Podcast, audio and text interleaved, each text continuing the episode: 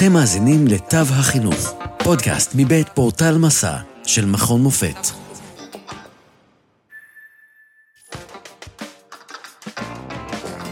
שימוש אפקטיבי בשירים להוראת אנגלית. כאן דוקטור ברק בר זוהר בפודקאסט תו חינוך מבית היוצר של פורטל מסע ומרכז הידע האקדמי במכון מופת, ואני איתכם כאן היום עם קצר מר נוסף.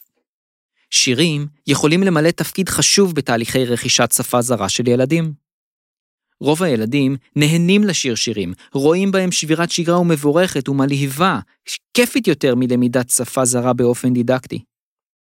אפשר ללמד שירים בקבוצות קטנות או בפורום כיתתי מלא, ואין הכרח להסתמך על משאבים טכנולוגיים, אלא אפשר פשוט בסגנון עממי ובחברותה. מחקר אמפירי זה מסביר ומנמק מדוע וכיצד שירים יכולים לשמש ככלי פדגוגי יעיל. המחקר ממליץ על שירי אנגלית קלאסיים לילדים ומציע דוגמאות פרקטיות להוראה באמצעות שירים. היתרון הגדול ביותר בשירים ככלי פדגוגי הוא שהם כיפיים. ברגע שתלמידים נהנים, השפה נרכשת ביתר קלות, המוטיבציה גוברת ואווירת הלימוד משתפרת. הפוטנציאל הפדגוגי הגלום בשירים הינו גדול וגמיש, ואפשר להשתמש בשירים למגוון מטרות.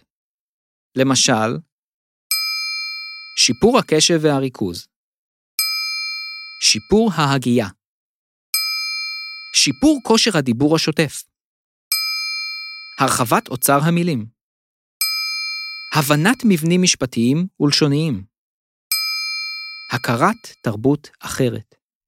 תלמידים עלולים להשתעמם מהאזנה מונוטונית וחד-כיוונית להרצאה מבוססת מורה, ולהתקשות לפענח ולזכור את המילים והמושגים. אבל האזנה לשיר נתפסת בתודעה כפחות מונוטונית בזכות הקצב והמלודיה. ישנם שירים שמכילים ביטויים חזרתיים ויומיומיים, כמו Good morning to you ו-Hello, ויכולים לשמש כפעילות האזנה ושירה נהדרת. המורה יכולה לשיר את שלוש השורות הראשונות, ולאפשר לתלמידים לשיר את שלוש השורות הבאות. תראו, לשירים יש את הכוח לשפר את הקשב והריכוז של הילדים, משום שהם דורשים מהם להאזין במקביל לכמה אינטונציות, מקצבים ותזמונים.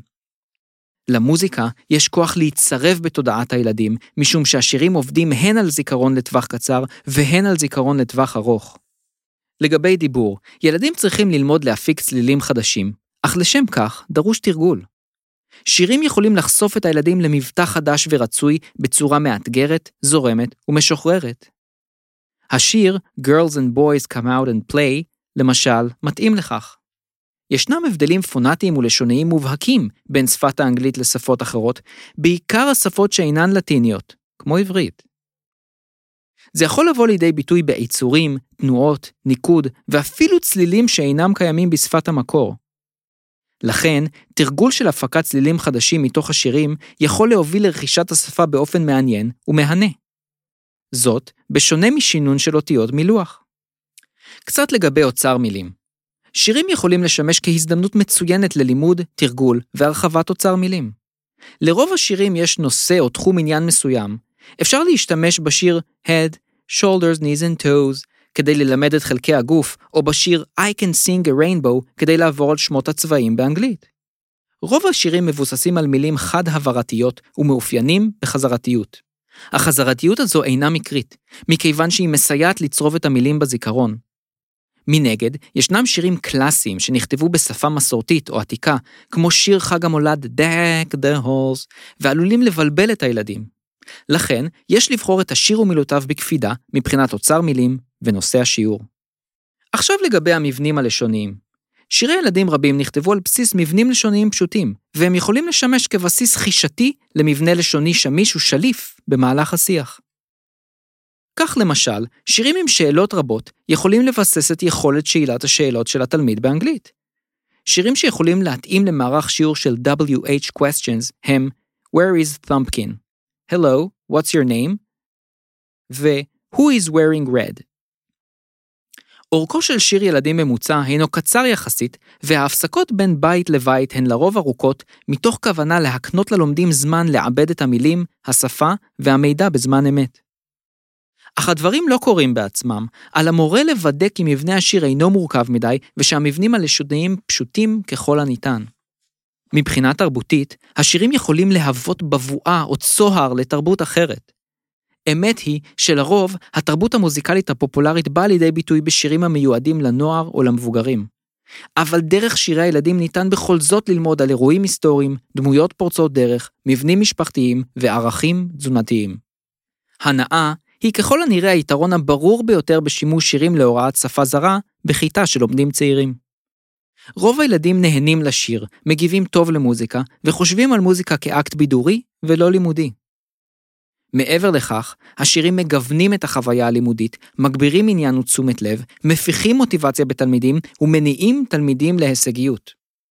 לא זו בלבד, שירים, ובעיקר שירה כיתתית, עוזרים לייצר אווירה בלתי רשמית ופחות מאיימת ומלחיצה. אבל לא הכל ורוד, יש גם מגבלות. הבחירה בשילוב שירים במערך השיעור טומנת בחובה מספר מגבלות וסוגיות לשיקול. כאמור, על המורה לבחור שירים הולמים, פשוטים וממוקדי נושא. גם אם התלמידים נהנים לשיר את אותו שיר מדי יום, עדיין חשוב לגוון ולהוסיף שירים לרפרטואר. בנוסף, המורה עומד במרכז וחייב לשיר במלוא הגרון. אבל מה לעשות, יש מורים שהאל לא חנן אותם ביכולות ווקאליות, והם לא צפויים להיבחר לייצג את ישראל באירוויזיון הבא. הם עלולים לחוש חרדה וחוסר נוחות לשיר מול כיתתם, או אפילו לשבור את הדמות הסמכותית שיצרו. לבסוף, מהנים ככל שיהיו, השירים אינם מספיקים ללימוד שפה לבדם. השיר מהווה תוסף לתרגול דידקטי של אוריינות קריאה ודיבור והכרה.